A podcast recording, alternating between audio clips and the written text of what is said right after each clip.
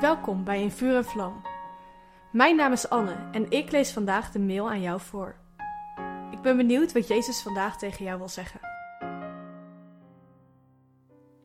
Op het moment dat Jezus stierf aan het kruis, gebeurde er iets geweldigs. En dit wordt beschreven in Matthäus 27, vers 51. En zie, het voorhangsel van de tempel scheurde in tweeën, van boven tot beneden. De aarde beefde en rotsen scheurden. Het voorhangsel scheurde van boven tot beneden. Dit voorhangsel was het gordijn dat in de tempel hing. Het hing als het ware tussen God en het volk van Israël in. God had zelf bevolen dat dit voorhangsel in de tempel werd opgehangen. Het hele leven van een Israëliet draaide eigenlijk om deze scheiding tussen hemzelf en God. Ze moesten heel veel verschillende offers brengen om al hun zonden weer goed te maken. Daarom hing dit gordijn er, omdat een heilige God niet in de aanwezigheid van zondige mensen kan zijn. Dat gaat eenvoudigweg niet.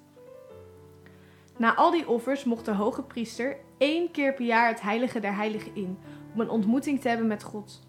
Dit gebeurde op de grote verzoendag. Ik hoop dat jullie nu begrijpen dat dit voorhangsel stond voor de scheiding tussen God en het volk. En toen Jezus stierf, scheurde dit voorhangsel. De scheiding was weg, de weg is open. We kunnen weer bij God zijn, elke dag opnieuw.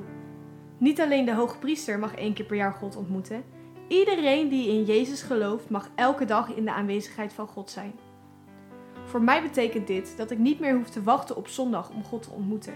Ik hoef niet meer te wachten tot ik naar de kerk ga om God te ontmoeten. Ik hoef niet meer te wachten tot bepaalde muziek aangaat om God te ontmoeten. Hij heeft de weg vrijgemaakt, zodat wij elke dag, op elk moment, contact met onze Vader in de hemel kunnen hebben. Of ik nou op school, werk of in de sportschool ben, ik mag met God praten. Niet omdat ik zo goed ben, maar omdat Zijn genade zo groot is. Daarom scheurde het voorhangsel ook van boven naar beneden. Wij konden de scheiding tussen God en ons nooit weghalen. Daarom heeft God het voor ons gedaan.